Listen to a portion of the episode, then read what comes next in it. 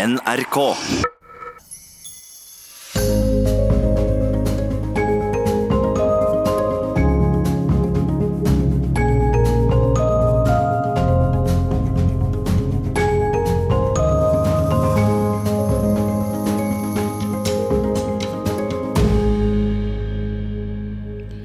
Jeg sitter på Sleipner, min elektriske rullestol, og ruller gjennom Slottsparken.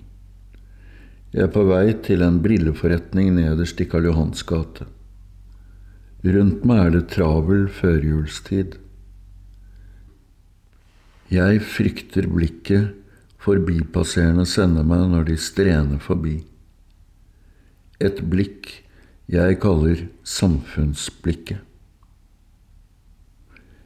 Første gang jeg la merke til det, var for åtte år siden, da muskelsykdommen gjorde det vanskelig å gå. Jeg falt på gata midt i byen og kom meg ikke opp. Noen av dem som passerte, var sikre på at jeg var full. De sa det høyt og tydelig til meg og til andre. Flere ristet på hodet uten å si noe. Andre økte farten eller så demonstrativt vekk. I enkeltes blikk ante jeg en frykt.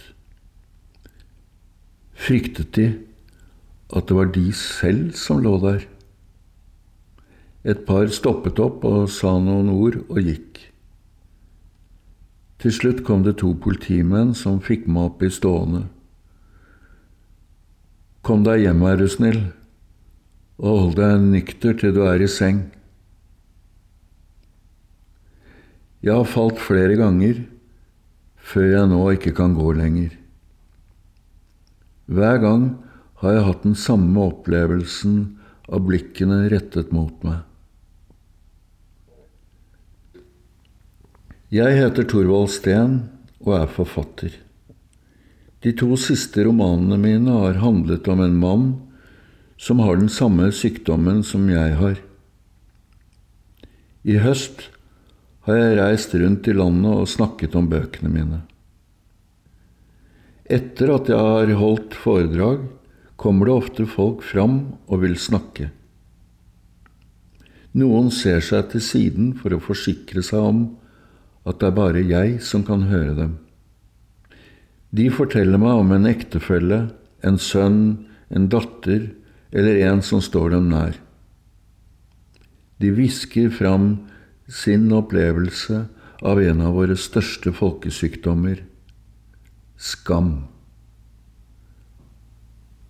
Forstå meg rett, noen ganger er det forståelig at en føler skam, som når man har såret et menneske som ikke fortjener det gjennom ord eller handling.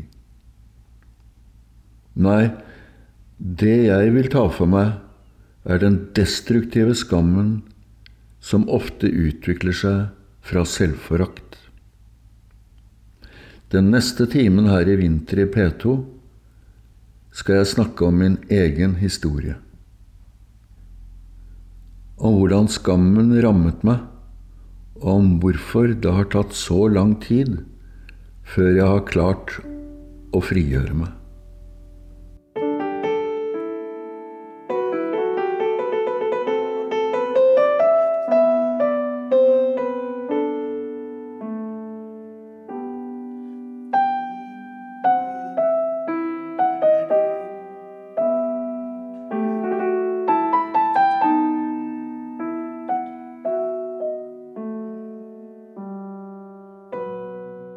Fra rullestolen opplever jeg de ulike nyansene i dette samfunnsblikket.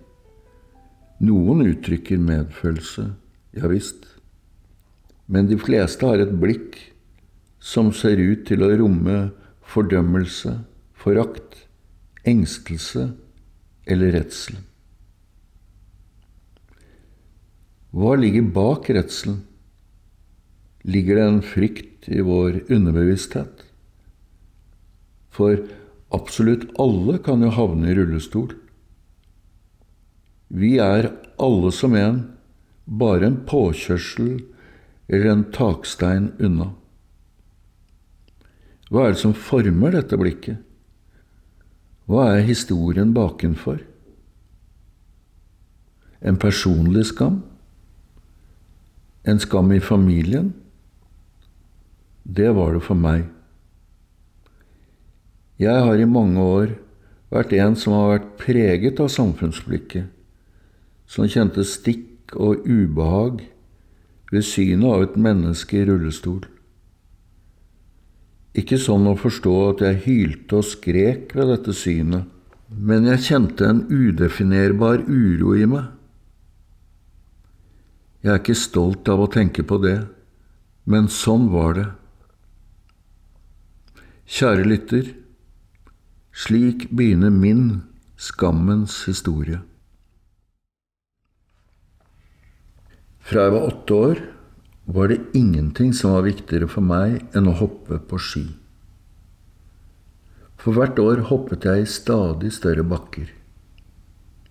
Målet var å prestere lengre og lengre svev og oppnå stadig bedre resultater. Drømmen var å hoppe i Holmenkollen og Vikersund. Det fantes ikke noe større enn å stå øverst på stillaset over de gamle grantrærne og skue over bakken med hoppet og sletta langt der nede. Jeg sjekket først venstre binding, så høyre, deretter begge støvlene. Én gang, to ganger, tre ganger, for å være sikker på noe jeg alt visste. Klart! lød det fra treneren nede fra hoppet. Jeg kikket nedover åvarennet enda en gang før jeg satte de tunge skiene i sporet. Farten økte. Jeg satte meg på huk som en blond polarpanter. Hælene presset på klossene, tærne presset mot overlæret. Jeg forberedte satsen idet halsen svelget, de vindfylte øynene og hodet kjente at farten nådde makspunktet. Hoppkanten nærmet seg. De to små grankvistene på kanten varslet hjernen. Hjernen ga ordren spenn fra. Anklene, leggene, knærne, lårene, hofta og overkroppen adlød. Jeg lettet, og det ble helt stille rundt meg. Skiene samlet, armene tett inntil kroppen. Jeg trosset tyngdekraften. I noen sekunder var jeg ørn og romfarer. Så kom nedslaget og svingen på sletta, selve signaturen.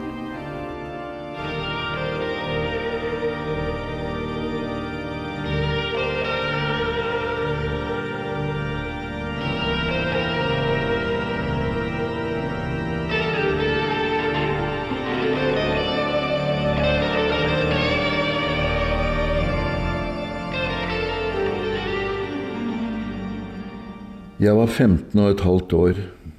Det var rett før jul. Hoppbakken var klar til årets første skihopp. Jeg og treneren trodde det skulle bli min beste sesong som skihopper. Men det var noe som ikke stemte. Jeg falt rett etter nedslaget, gang etter gang. Jeg ble sendt til legen. Han gransket meg. Kan du plystre? spurte han.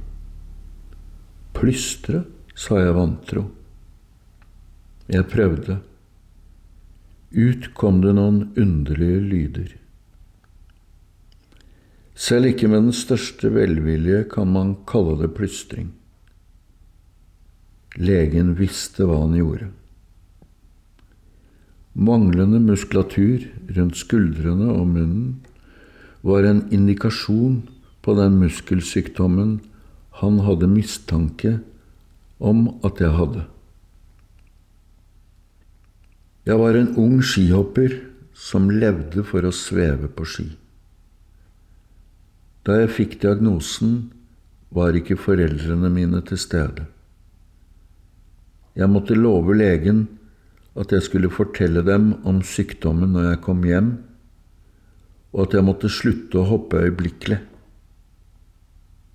Jeg holdt ingen av løftene. Hvis jeg hadde fortalt det hjemme den kvelden, ville jeg ikke hatt mulighet til å gjøre et aller siste hopp, et hopp som jeg kunne huske resten av livet. Treneren og foreldrene mine ville ha hindret meg. Til slutt fikk foreldrene mine likevel vite sannheten. Moren min sa hun syntes det var leit. Lov at du ikke forteller at du har en arvelig muskelsykdom til en levende sjel, sa hun. Hvorfor ikke, mor? Vil du bli betraktet som et offer? Nei. Du vil vel ha arbeid? Ja. Ja, nettopp. Kan jeg si noe til bestemor? Du vil vel ikke gjøre henne ulykkelig? Jeg holdt tett. Jeg adlød fordi jeg var enig i resonnementet. Hemmeligholdet gjorde at jeg slapp å fortelle noe til venner, treningskamerater og andre i familien. I noen år virket denne strategien, men det var én ting jeg ikke var forberedt på. Selvforakten som vokste år for år. Jeg kjente hvordan kroppen forandret seg, og bekreftet medisinernes prognoser. Stadig oftere drømte jeg om meg selv sittende i rullestol, ute av stand til å leve det jeg den gangen mente var et verdig liv. Å ikke kunne sykle, gå og reise på egen hånd Å stadig være avhengig av andres hjelp. Det var en fryktelig tanke. Gradvis gikk selvforakten over i destruktivitet og selvmordstanker. Jeg hadde ingen anelse om hvordan jeg skulle komme meg unna disse ødeleggende ideene. Det var en tilfeldighet som brakte meg videre. Jeg hadde begynt å arbeide på Gaustad sykehus, først som pleiemedhjelper, deretter som håndverker, maler på sykehuset. Malejobben ga meg mulighet til å oppsøke farlige situasjoner. Jeg malte eksempel taket sju–åtte meter over en nedadgående steintrapp, uten sikring, balanserende på en løper, mens jeg rullet på malingen. Det var en livsfarlig balansegang, og jeg visste det. Jeg trodde ingen kunne se hvilke destruktive tanker jeg slet med, men en dag ble jeg tilsnakket av en kvinnelig pasient. Jeg ser hva du tenker på, sa hun rolig mens jeg så opp i taket. Hun gjennomskuet meg. Jeg ble presset til å åpne meg overfor mine nærmeste arbeidskolleger. Jeg var på nippet til å avslutte livet, men valgte å bli værende i jobben og i livet. Tanken som seiret, var denne. Jeg hadde tross alt vist at jeg var dyktig i jobben min, og var også valgt som tillitsmann.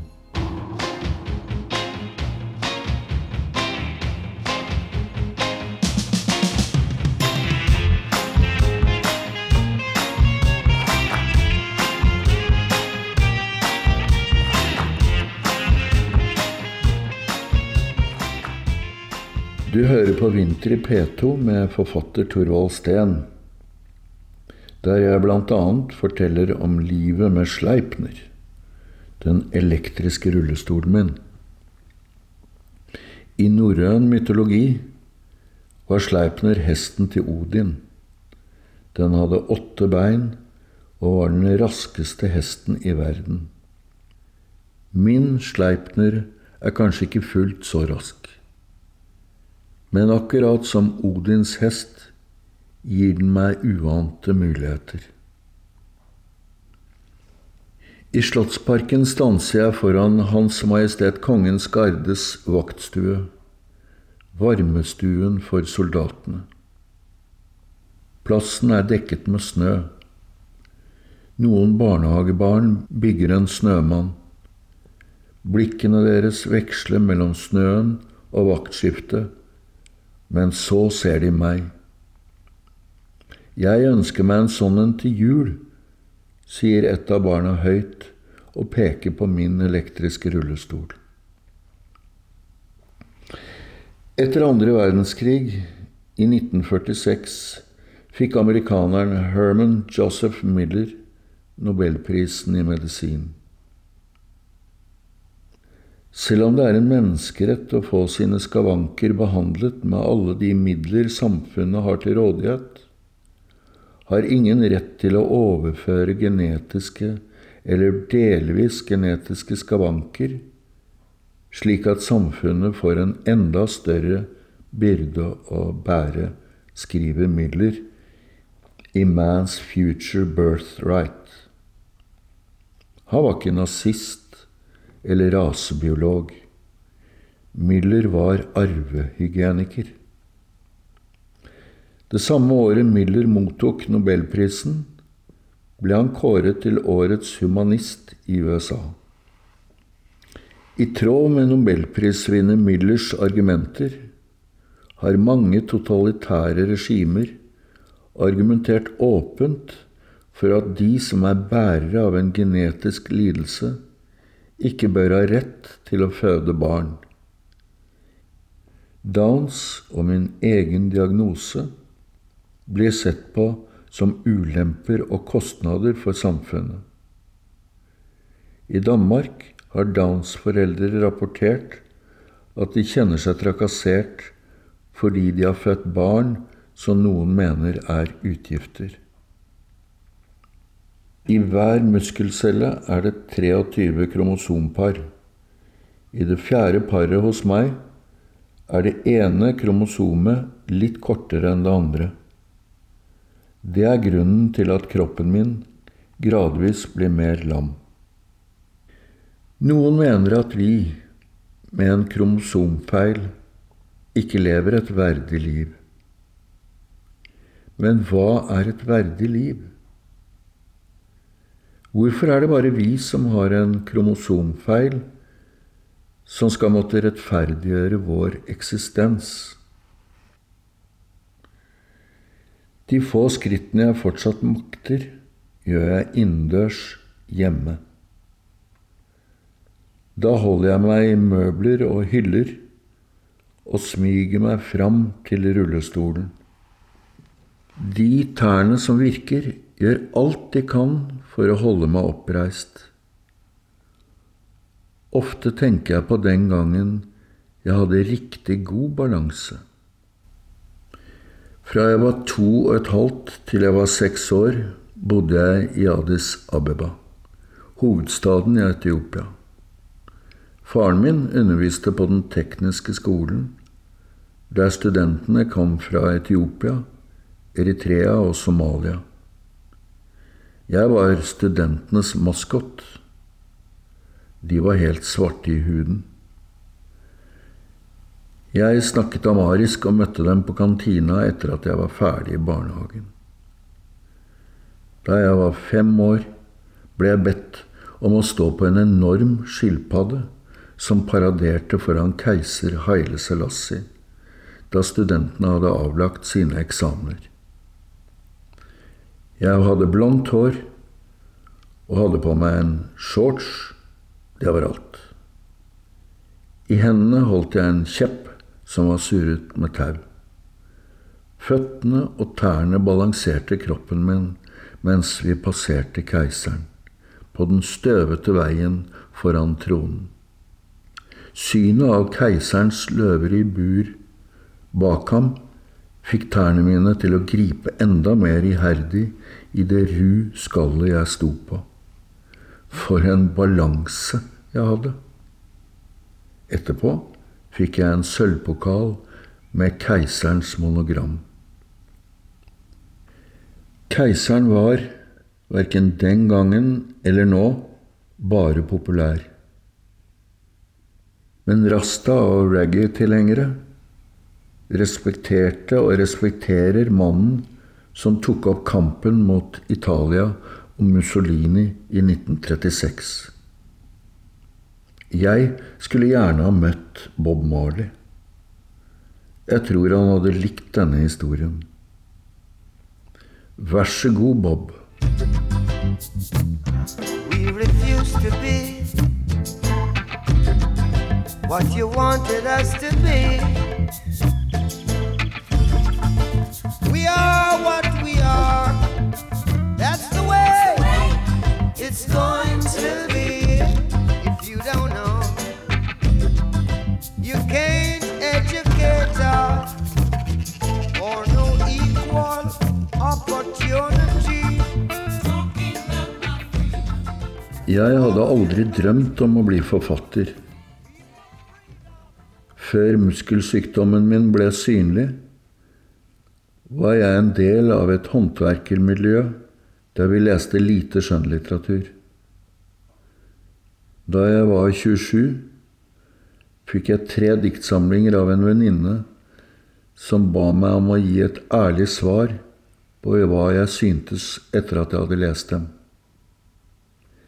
Jeg likte slett ikke alle diktene, men jeg ble svært overrasket over å oppdage at diktene prøvde å sette ord på noe som var umulig å beskrive, som forelskelse eller det særegne og vakre ved vinterlyset. Det var denne ærgjerrigheten i uttrykket som grep meg. Fra da av ble jeg en skapleser av poesi. Når arbeidskameratene mine ba meg bli med for å drikke fredag etter jobb, løy jeg og sa at jeg ikke hadde tid. I stedet dro jeg i smug til biblioteket for å låne diktsamlinger som jeg leste i løpet av helga. Knut Hamsun skrev en gang følgende Vitenskapen kan meddele sine siffer og bedrifter men ikke forklare allting for meg. De gode diktene utvider mitt perspektiv på det å være menneske.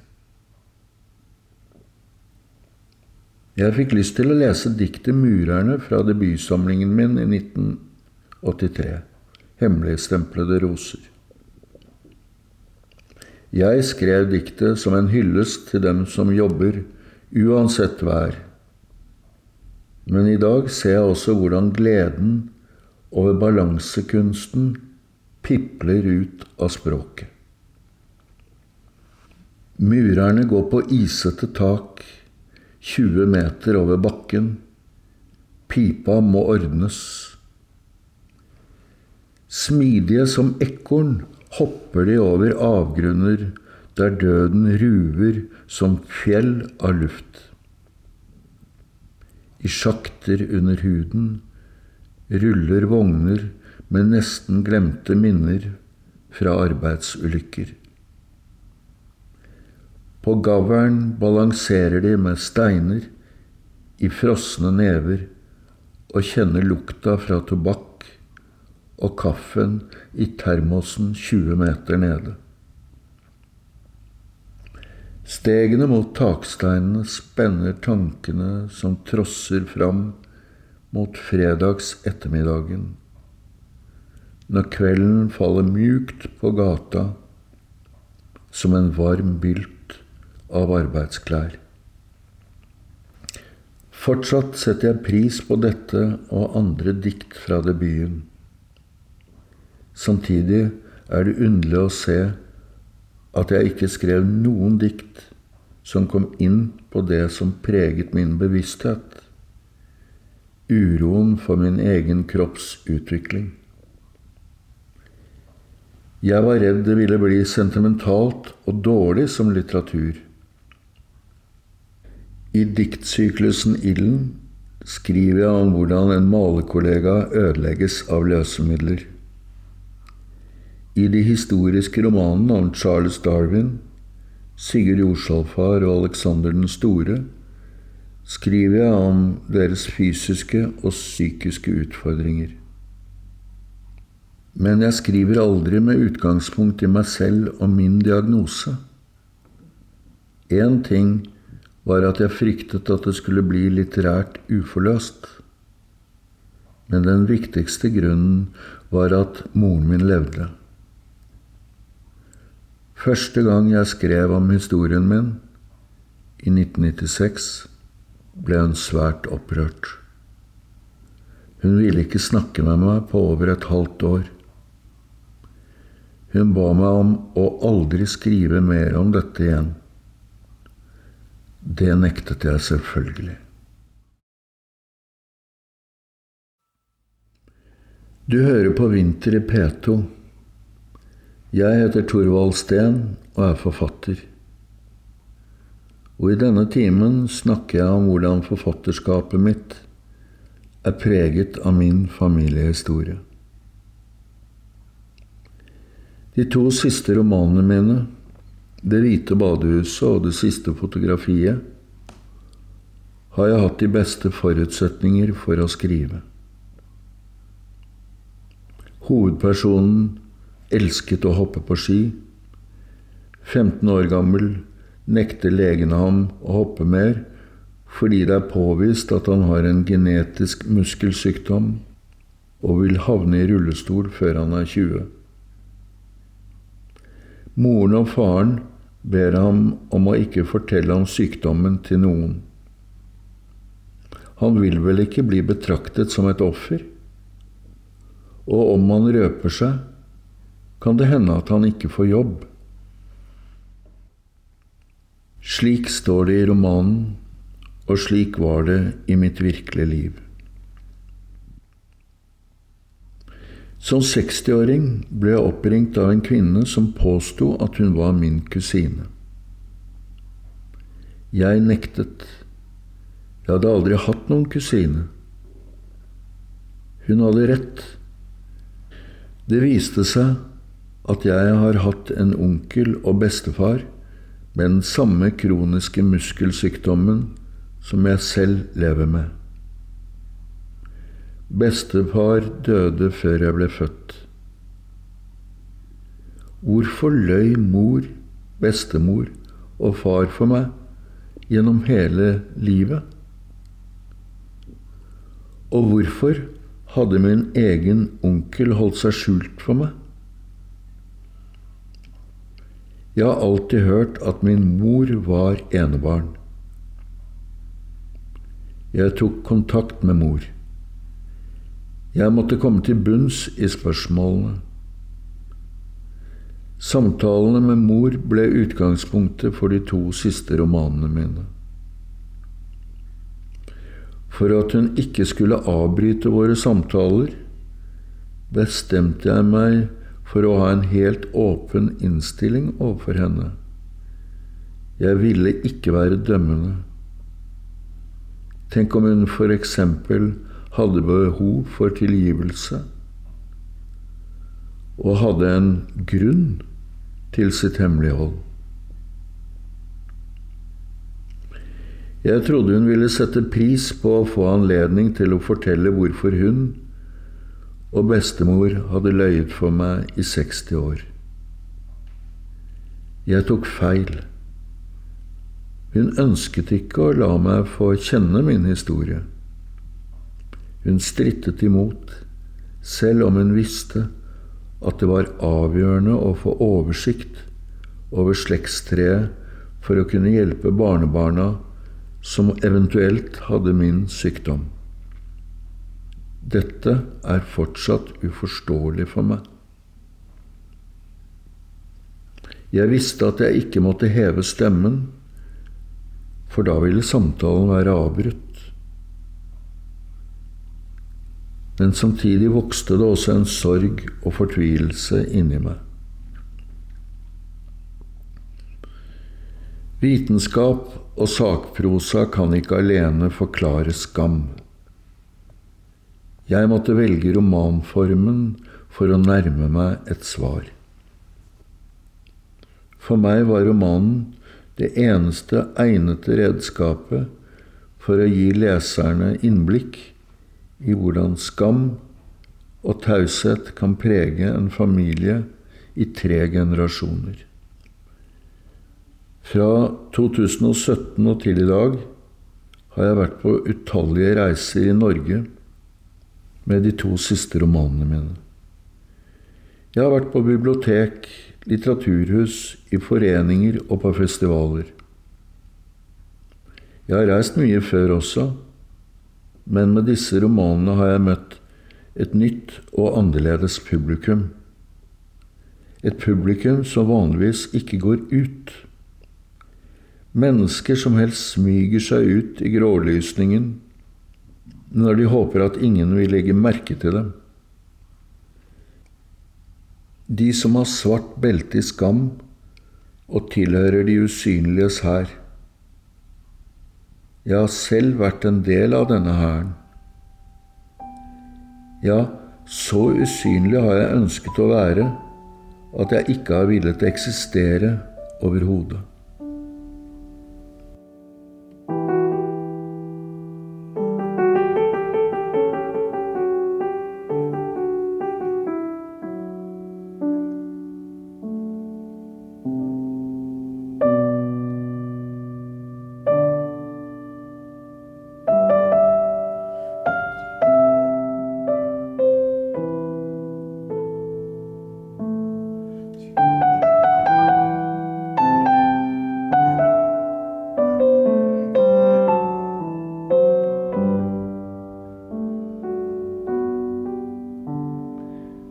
Jeg kjører videre i retning statuen av Karl Johan, sittende høyt til hest, skuende nedover byens paradegate. Jeg tenker på unge foreldre som vurderer å få barn, og stadig blir minnet om hvor lett det er å finne ut om noe er galt. De vet at regjeringen kutter i pleiepengeordningen for foreldre som har syke barn, og i støtte til spesialskoler og bofellesskap. Det er myndighetenes måte å lede vekk unge fra å få barn som er annerledes. Min kone og jeg valgte å få barn selv om det var en mulighet for å arve sykdommen min. Vi fikk ikke bare ett, men tre. Det er ingen grunn til å legge skjul på at det har hatt sine utfordringer. Det er ikke slik at samfunnet vårt legger forholdene til rette for de av oss som er annerledes. På skolen, på jobb, på boligmarkedet er det flust med utfordringer. Det finnes ikke noe fasitsvar på å beholde et barn med kromosomfeil. For meg er det viktigste at man skal ha et reelt valg. Nå er mitt inntrykk at det stadig legges til rette for å velge bort. Jeg er for kvinners rett til selvbestemt abort. Heller det enn at staten skal bestemme. Jeg ønsker et samfunn med et vidt spekter av mennesker i sin tid valgte kona mi å leve sammen med meg, selv om hun visste at sykdommen kunne utvikle seg slik som den har gjort. Ulempene med meg er der. Men det er en del fordeler ved meg også, som menneske, som hun mente var avgjørende. Sånn tror jeg hun tenkte. Slik har i hvert fall vi tenkt med hensyn til å få egne barn. Og nå har vi jaggu meg opplevd å få barnebarn også. Det viser seg at det å ha en bestefar på fire hjul har høy status blant de aller yngste. Jeg øker farten og kjører tre runder rundt statuen av Karl Johan. I stadig større fart. En gardist marsjerer mot meg. Da jeg var liten, løp jeg rundt hesten og rytteren, eller gikk stivpyntet i 17. mai-toget. Det å løpe eller marsjere var en form for mestring.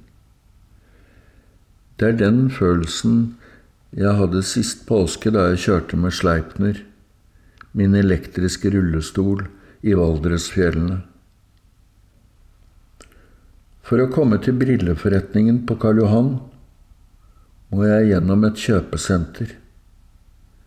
Døra har låst seg. En eldre, smilende kvinne med rullator og to bæreposer kommer meg til unnsetning. Ferden går videre, inn i en lang gang som svinger brått til venstre. Sekunder seinere befinner jeg meg mellom en gruppe julenisser i moden alder, med og uten trekkspill. De trekker seg raskt til side. Foran meg åpenbarer seg et stort publikum. De stirrer på meg med åpen munn. Jeg ruller, riktignok litt saktere, og stopper mellom utstillingsmontrene. Jeg tar av meg lua og hanskene, mens nissene jeg nettopp har møtt, synger Et barn er født i Betlehem. Jeg undrer på hva gutten, som i sin tid fikk den alvorlige diagnosen, ville ha sagt hvis han så meg nå. Det jeg ville ha fortalt ham, er at jeg er glad for at jeg er født. Idet sangen toner ut, går det opp for meg at jeg ikke bare er glad for å være født, men at jeg er takknemlig for at jeg er den annerledes typen som sitter på Sleipners brede rygg og endelig, endelig ikke skamme meg over å være meg.